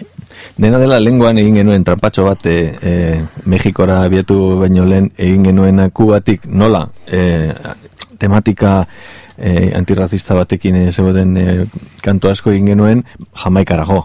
Ah, bai. Eta Jamaika, bueno, claro, hor Karibian gaude, Jamaika, Haiti, Haiti gainera oso astuta dago, baina it- oso aitzindaria izan zen eh, eskubide, beltzen eskubideak eh, oraindik formulazio moderno de, baino, osea, baino lehenago, baina eh, beltzen matxinadak eta beltzen eh, gobernu bat esarri izan eh, lehenengo, bueno, gero, gero Hor ere bai askapen teologia kriston eragin izan zuen, aristide Bai, Aristide hortik dut hor, bai, abadia zen. Dana dela, bai, e, agian ez dago tematika antirrazista askoko kanturik e, kuban edo kostatzen zaigu, baina eta Harlem aipatu dugu, Harlem da Fidelen e, lagunen edo Fidel gustora edo joaten zan, babestuta joaten zan e, Bai, lekua, ez da? bai, Fidel bai, bai. oso mehatxatuta zegoen e, garai hartan e, aukeratu nazio batuetara joaten bai, zanean, non hartzen zuen ostatu bere lagunekin, Bai. beltzekin, ez da? Mhm. Hor badago beste konexio bat kubarekin. Beltzak, e, beltzak militanteak eta Bai, bai. Eta Fidel. Dena dela egin genuen tranpatxo hori, joan ginen Jamaikara. Eta Jamaikan e, bai badaude, bueno, komentatu Bueno. genuen e, kultur eta eta beste erreferentzia batzuk ez da. Hizkuntza aldatzen da, baina nahiko, bueno, ezberdina da, gau, Jamaika askoz baltzagoa da, Jamaika da herrialde baltz bat kitxo eta Kuba ezain beste. Baina oso, oso antzekoak dire, ikusten da, Santiagotik ikusten da, Kingston batzutan. Eta Lauren Aitken, e, zera, eska sortzailearena Kuban jaio zan.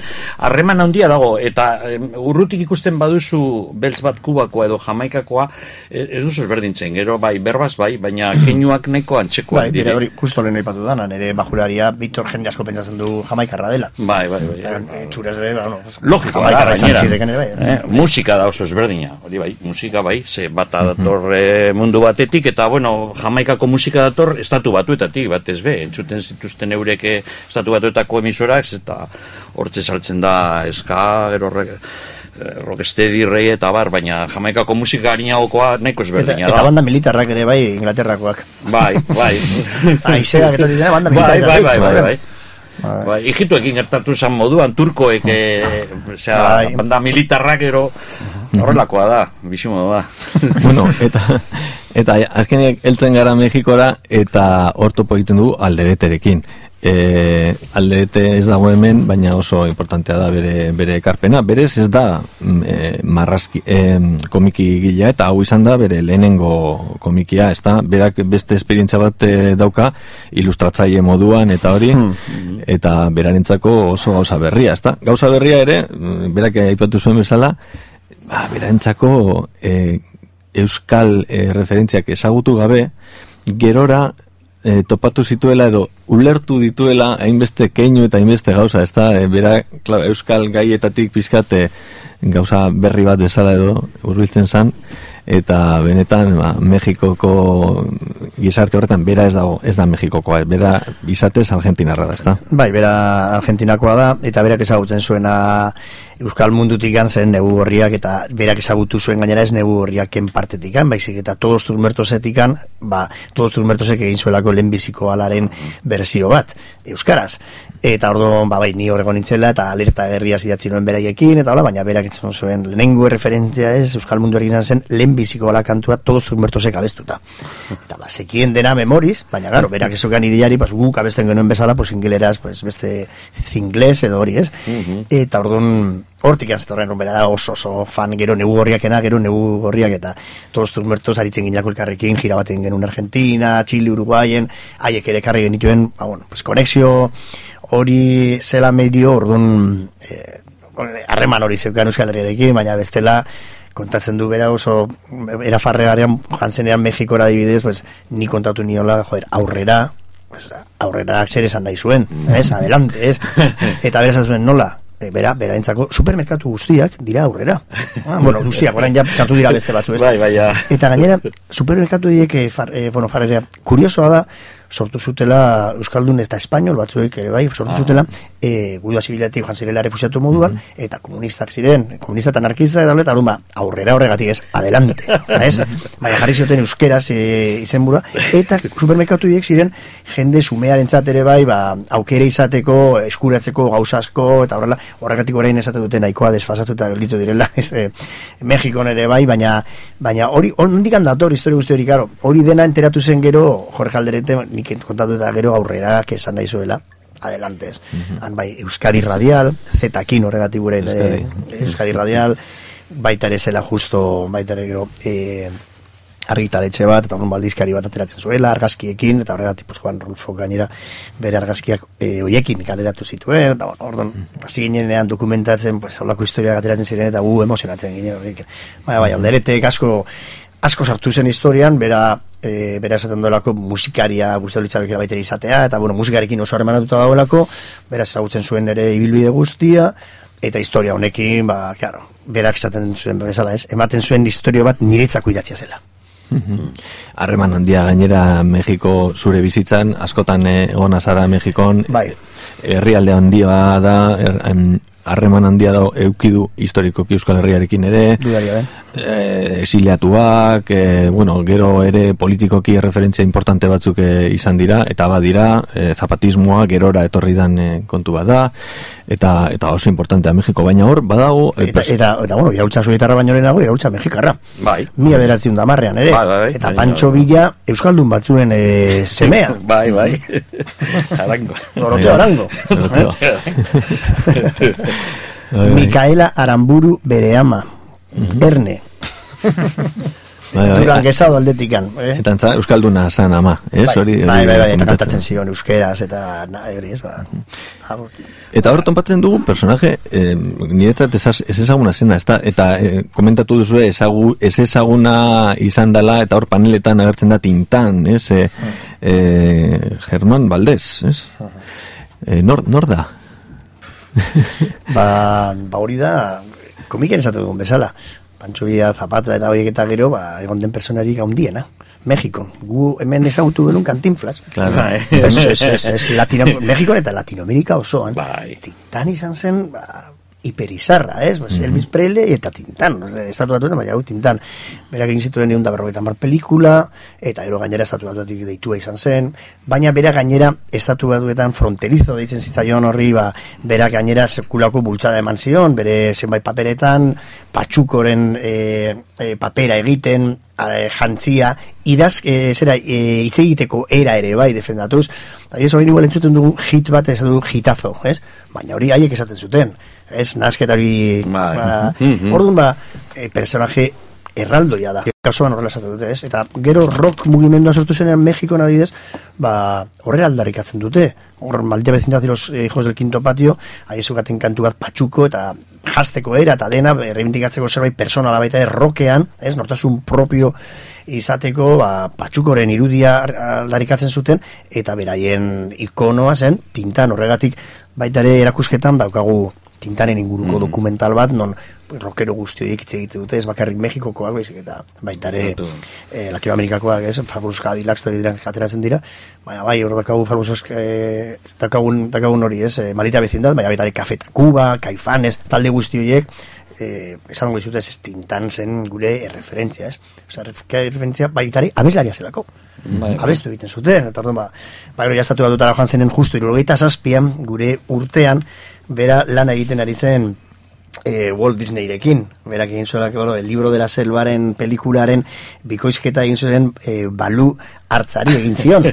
Orduan guri egokitzen zitzaigun perfecto, ba, bera laguntzeko pasatzen gure protagonista manes, ba, Tijuanatik eh, Los Angelesera.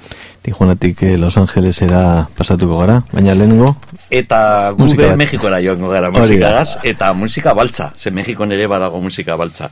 Veracruz ingurukoa, negra graziana, orain urte gitxi hil zan. Hemen Bilbon egon zan, barakaldun egon zan kontzertu e, paregabe batian. Eta negra grazianak egiten zauen aintzineko erean, Veracruzen jotzen zauen moduan, arpa bat, eta, bueno, bertakoa da, kantu bat, gero rock mundura pasatu zen, eta e, oso e, eragina handia izan dauela gainera rock munduan, e, eta kantu hori da La Bamba. Eta La Bamba sortu zen e, amazortzigarren mendean, e, Veracruzen, e, eta hitzak zati batzuk behintzat e, oindik kantzatzen direzenak e, jatorrizkoak dire, baina da kantu bat improvisatzekoa. E, La Bambarekin e, aldatu aldire, in, baita improvisatu ere momentuan. Beraz, kantu hori entzutungo dugu, La Bamba, baina jatorrizko La Bamba egiten zan moduan arpa bategaz, eta la negra graziana.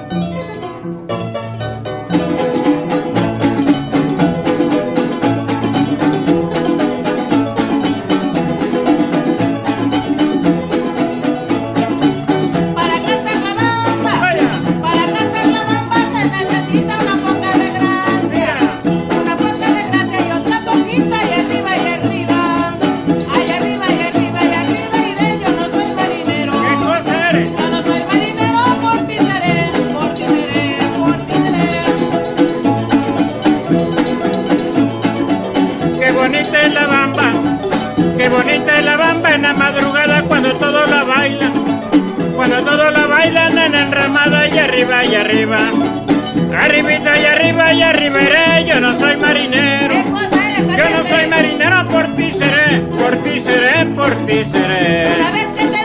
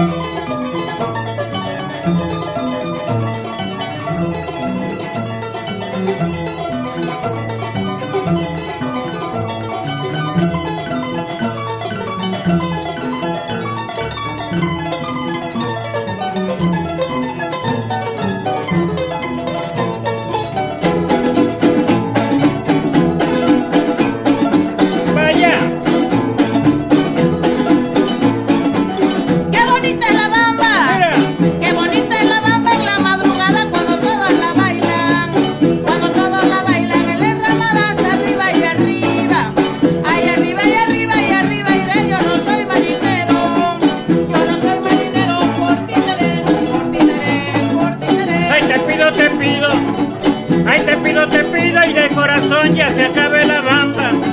Ya se acabe la bamba y venga otro son arribita y arriba. Arribita y arriba y arriba iré, yo no soy marinero. Yo no soy marinero, por ti seré, por ti seré, por ti seré.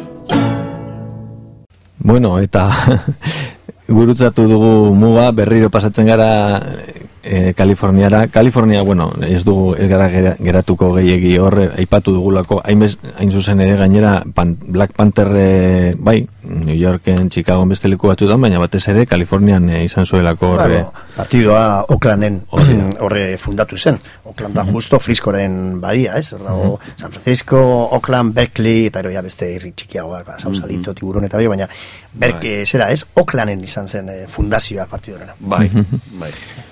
Ni itzuliko nintzateke eh, erakusketara eta aipatu behar dugu eh, hor badagoen beste pertsona bat, ez da zahatza, berak, eh, berarekin batera antolatu duzulako erakusketa bere ekarpena ere importantea, ez da? Bai, dudari gabe, leno eh, aipatu duzu ere bai, ba, nire referentzia asko daudela baita ere hor, arkaitzenak ere bai nik esan dut, oraindik ez dugu este pature bat, baina nahi dut ere esan Strange Fruit eh, beraintzako zerbait oso oso importantea dela, eh, zer, ja ez delako lehenengo liburan una para, ateratzen den kantu hori, baina nire kasuan, bai nire kasuan referentzi pilo bat, eta ez da alperri gane bai ez, leheno komentatu dugun eh, Factory, ez? Nik egin dudan azkeneko lana, azkeneko edo duela e, irurte egin nuen pelikula izan zen zuloak, eta Mm. zuloaken abia puntua hori zen hain zuzen ere. Andy Warhol, Velvet Underground, Arrate Rodríguezek egin nahi zuela baita ere bere taldea, Andy Warholek egin zuen bezala. Lehen aipatu Pedrok, ba, nola e, e, Andy Warholek esan ziola lurridi egiteko kanta batzu eta horrela, eta bueno, hortan ere berzio ezberdina daude. Imposatu egin ziola esate, oie tio, sartzen duzu orain niko hemen sartuko da, eta egingo dizkiozu kantuak berari, horregatik kalapitak sortu ziren, eta hori dago pizka baita ere kontatzen. Artistikoa. Claro, claro, horren, claro, eh, luridek ere bai, bueno, pues, errentriko bazekien, bazekien, Bai. bazeukala, kriston proiekzioa ere bai mediatiko eta hola izango zuela, baina, jo, horregon zirel gero sekulako eh, eskanbilak, eta hori baita guk zuloak ere bai kontatzen genuen, ba, zer izan, zer, zer izan daiteke ere bai, edo zer izan den musikaren historian, kasu horretan, edo baita ere, ba, Malcolm Baldaren zespizto ezekin horrela, ba, Bai. gidaritza bat dagoenean hor gero ze sorkuntzan, ze, ze, sort, ze, hori, nola lertu egiten den hori, eta horon, klaro, ez, zuloakien pelikulan ere ja, e, satxa jauregirekin egin nuen berak Lemonon, orain ja, ez, desagertu da, baina Lemon hemen garantzizua izan zen ere bai Bilbon, ez? Bere Iralan. momentu, eh? Bai, eta orduan ba horre pestatu genuen horrelako dekorazio bat e, baita ere factory gaur egun nola izan ziteken edo horrela pixkat, bueno, referentzia urruna egiten genion, baina bai, ez, keinu bat egiten genion, eta orduan salsa jauregi ardu- arduratu zen, arratero dizen lagun mina da, eta berak lortu zen- Gidariak oso importantea dira, bitu de Beatles, eh, Brian Epstein desagertu eta pikutara joan ziren.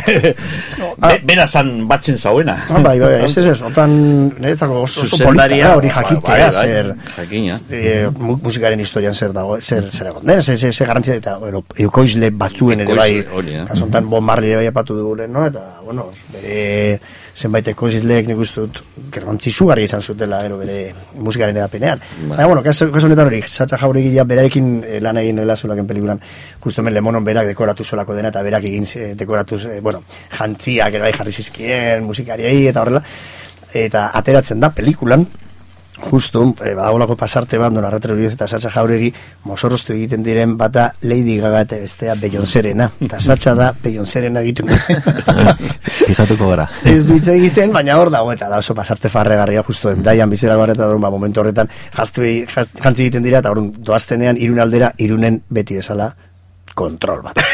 Pan! Eta hor gelditzen da, eta orduan barratero bizet kontatzen du ba, anekdota bat hori kontrolarena, ez? Eta, bueno, ba, e, hortik gaina ezagutzen nuela, eta bera hemen e, Hernaniarra da, baina bueno, hemen bizi da bai Bilbon, e, Bilbon ja enpadronatuta, ez ni bezala, baina eta bera hori, ez, ba, arte derretakoa da, eta egiten zaita eskala hori, ez, ba, joder, sensibilidade berezi bat, eta espazioaren inguruan ere bai bera duen ere kontzeptu hori, joder, oso oso oso interesgarria, ez distiratxuan, ez zenbait momentuetan, eta niri az- gustatzen zait asko ekipoan lan egitea, ez? Genaiz eta gero ere bai niri hori buru gorra naizen zenbait gauzekin, baina gustatzen zait asko konpartitzea eta gabean gauzak e, eta eritziak, eta bueno, pues, be, behar nuen persona bat hemen Bilbon bizi zen ere bai, ba, berarekin aritzeko eta eta orduan ba, bera hautat- hautatu nuen eta bueno, egin nuen erabaki horretan bentzaz e, ez nintzen okertu. oso asmatu nuen era, erabatean posposin nago eta lagun mina biakatu gara ja orain gainera eta ingabeko lan horretan eta egin duen lana izan da nik uste zoragarria ez. Fermin eta Arkaitzekin gaude hemen, Pedro eta biok e, solasean oso, oso gustora. E, dana dela, bueno, amaitu beharko dugu, e, dena dela, gogoratuko dugu, erakusketa hau, bueno, benetan nik esango nuke e, lujo bat dela e, alde guztietatik, ez, azten zara begiratzen zenbat gauza, zenbat e, e, kontzertuak adibidez, ez, ez dugu aipatu gehiagi ez da, e, egon dira eitzaldiak, proiekzioak, e, e, ai, oi adibidez, ni nintzen gogoratzen, e, ambigun egon diren jaiak, erakusketa bestea, hau lujo hau, e, hemen amaitzen da, edo asmoa dago beste nonbaiten ere agian beste formato batean, lujo asiatiko hau izan da bilborako. Egongo dira, nik, nik komentzuetan nago joango dela baita ere, ja, ba, eskaera asko egon dira, ez, ba, egia da, ba, sekulako errakasta izaten ari dela, ez, orain dikan, azpimarratu behar dut berriz ere, so, otxeaiaren sortzi arte dagoela hemen Bilbon, ba, mugituko dela, ez, iten irantzia egiteko, ba, hori, ez, eh, asmoa dauka erakusketak, eta horren, ba, gero gukituko da, beste toki ezberdinetan adok egongo den, ba hori ez, espaziorako. Baina hemen dagoen bezala eske dago espazio honetarako egina. Ordu nau berezia da, gero antolatu dugun guztia, ba, ideia hori genokalako, hau toki bizia izango da, bertan gertatuko dire gauza horregatik erakusketaren barruan kokatuta dago eskena tokia, eskena tokia, ezera hor barruan gradak ere bai, eta bat egiten dute Monterriko panelarekin eta San Francisco, eta gero baita ere inbaditzea pizkat hiriburua, ez? Osea, gelditzea bakaritu gero bez eta hortikan ateratzea eta orun kafean txokian antolatzea kontzertu bat egin genuen bezala, ambigun egitea erakusketa eta larun bat honetan egingo dugun baita ere jaia. E, pizkat eh, ideia hori bilborako izan da. Hori ni adiez, karo, ni horre egon naiz, e, ba hori ez, omnipresentzia horretan, ni etengabean hemen eta bultzatzen batekin harremanatzen bestearekin, eta orduan ba hori beste tokitan ez da gertatuko. Euskal, Euskal Herriko baltzak gara bilbokoa gara. Hori, de commitments pelikula esaten da, ez da protagonista. Dublingoa, ziren Irlandako baltzak. Ba, hori commitments, ez? Daldeak izan zen, Igual, bai. gu eh, Euskal Herriko baltzak gara. Igual, igual egia da Dublingoak direla, eh, Irlandarrak direla beltzak eta gu palestinoak, niri ere esan zidan. niri ere, lehen aipatu du palestina eta niri esan zidan, Bai. be, Berlinen justo nik aleratu nuenean e, brigadiza sound system eta hola diskoa, berak esan zidan, jo, zermen zaila daukagu, eske zuek zarete, Euskalduna zarete Europako palestinoak. Ordu. Ordu, ba, interpretazio asko egon daitezke. bueno, asunto da, ba, ba, bai, asmoa daukagula hori itineratzeko ere bai erakusketa, e, igual hori, ba, ba, ja epatu da Barcelona, Gasteiz, Donosti, Mexiko, Colombia, Argentina, bueno, orduan, ba, hemen mugituko da, eta, baina, bueno, e, ni joango naiz horrekin dudari gabe, ez, espazioak ere bai egokitzera erakusketa, satxarekin batera bai zehatuko naiz, alden guztietara, eta eta gero pues, ge- gertatzen dena da gero ezin izango dudala ba hori ez, hemen bezala, ni hemen egon naizela. Eske erakusketa hor baina ni etengabean ez, hemen egon naizela ba hori ba, berdin ere bai bizita gidatu batzu antolatu ditu dela ere bai euskara ikastena direnentzako ez, eta orduan ba bueno, izan da ba, pizkat hori, hemen egon dela eta nabe horretan ere bai bani egon naizela gidatzen ia, baina baina bai, asmoa daukala e, ba bueno, erakusketa joate gortikan eta zergatik ez ere joaten den toki bakoitzan ere bai ekitaldi paralelok eta hemen egon den programaren bat bai antzekoa edo, bueno, pues, beste bat ere egokitua hiriburu horretan, ba egongo dela ere bai, ez beraz asmoa dago bai. Oso polita, oso interesgarria Manu eta Manu Txau eta Bos, Txasek, Bosniak eta eta, Ma- eta Majid. E, musika kontatzen, kantatzen e, beti aterarazten zu elkarrizketatzaile bezala. Hor hitz egin beharko genuke beste rol hori hartu duzunetik e, e, elkarrizketatzailea ere bestela ikusten duzu, ezta? Ez, bueno, horre esan behar dut ere bai, nik egin irratian ere bai, ba, esateari moduan aritu nintzen hiru urtez, eta, eta bueno, oso gustora niri irrati gintza izugarri gustatzen zait. Eta orduan, ba, ba, nigo nintzen, eta orain bada beste modu bat ere, karo, ni konbentzitu du mundu guztia, gaur ere bai dago, bueno, berarekin idazi du, baina bai, arkai, zuk ere parte hartu beharko duzu olako batean, eh? Vale, vale. orduan, ba, konplizidade hortatik gauza asko ateratzen dira. Nik ezagutzen dudalako konbidatu dudan e, guzti, konbidatu ditudan guztiak ondo ezagutzen ditut, eta ba, ba, kontatzea nik ere bai, ba, ze, ze pasaizoak izan ditugu elkarrekin horrela, joder, ba, hori interesgarria da jende, jendearekin ere konpartitzeko. Mhm. Bueno, ba, badakizue, ez baduzue bizitatu, e, oraindik aukera duzuela, otsailaren sortzira arte, e, lujo asiatiko hau e, ezagutzeko. Gaur bertan ere horre izango gara, e, fruitu arraroak e, ezagutzen. Eta, eta bueno, ba, eskerrik asko, placer bat eh, izan da. Pedro, Baina, oso bat, bai, Eh, bukatu baino harinago, aurkeztuko dut azkenengo kantua. Hori da, hori- Bukatu zera adio eta, ba, ipiko dugu Hori kantua. seguru. Esoiko kantu bat, eh? aurreko programan egin genuena liburu honi buruz, ba, jarri gendun bat ez be, edo musika baltza jarri gendun, ez da, eh, Curtis Mayfield, Otis, Areta, Sam Cooke, Sly and the Family Stone eta barrikoak. Eta oso gustora. Baina kantu bat ekarri dut, eh, jendeak zeurezki espero ez dauena programa honetarako. Ze Elvis Presley entzungo dugu. Elvis Presley egin zuen kantu gitxi, idatzi berak oso kantu gitxi. Baina kantu hau, indegeto izenekoa, berak sinatu zauen, beste pertsona bategaz, eh? Eta berak zegoen oso oso harru kantu horretaz, berak pentsatzen zauen agian kanturik eta esanguratsuena ezin zen kantu hori. Indegeto kantuan azaltzen den historia, e, geto batean, agian Harlemen, edo beste geto batean kontatzen dana, e, oso, oso, zera, datorre gure gaurko liburuarekin batera, eta horrezegatik aukeratu dut, e, hause, Elvis Presleyren. In the ghetto.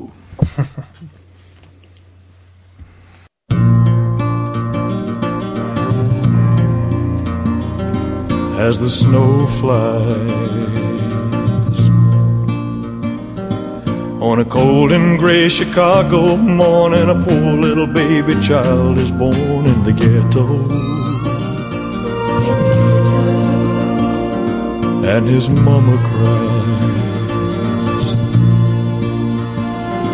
Cause if there's one thing she don't need, is another hungry mouth to feed in the ghetto.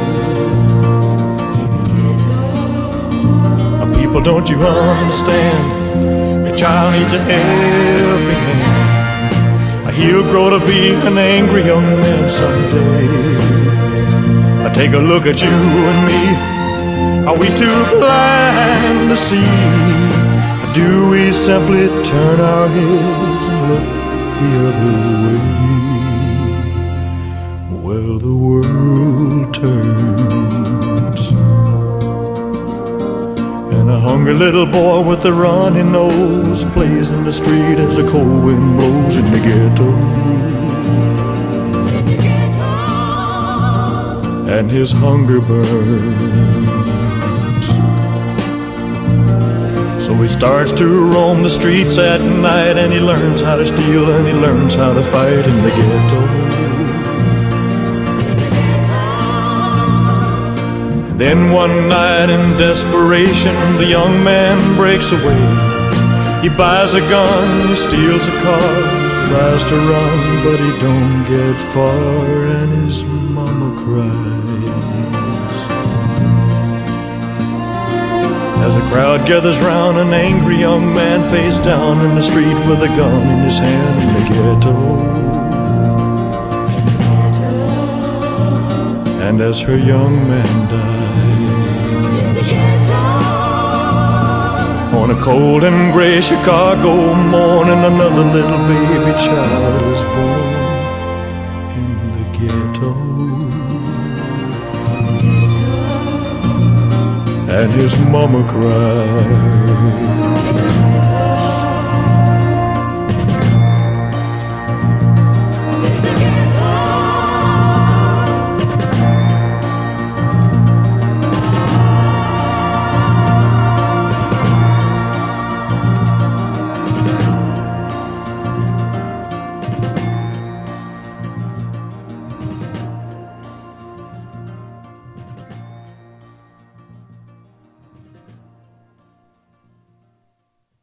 esan dakoa, e, placer bat izan da, e, ezagutu dugu, erakusketak eh, ezagutzera ematen digu gehiago, liburuak e, erakusten ez dituenak, eta elkarrizketa honek, espero dut, zeuei ere ezagutzera eman diz, dizuela, beste hainbat e, ertz, eta beste hainbat e, ikuspegi ez da, Black beltza bizitatzea, falta zaizuen bakarra, ez baduzue egin.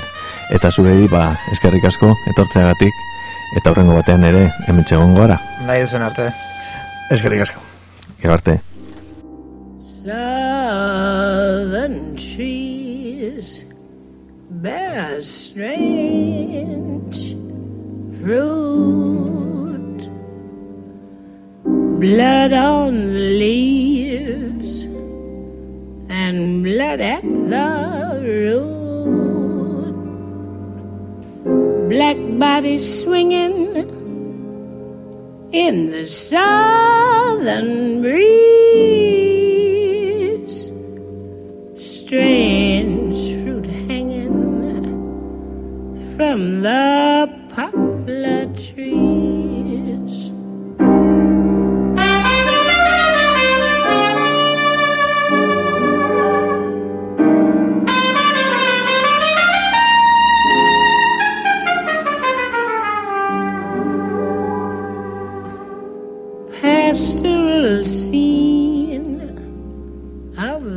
Gallant South. The bulging eyes and the twisted mouth, scent of magnolia, sweet and fresh. Then the sudden smell burning flesh. Here is a fruit for the crows to pluck, for the rain together for the wind to suck, for the sun to rot, for the tree to drop.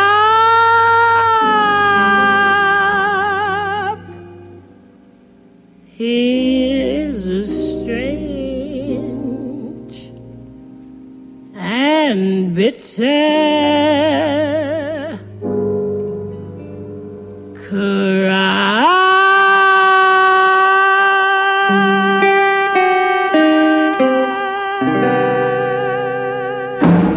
bilboiria.com Interneten ere zuzenean entzungai.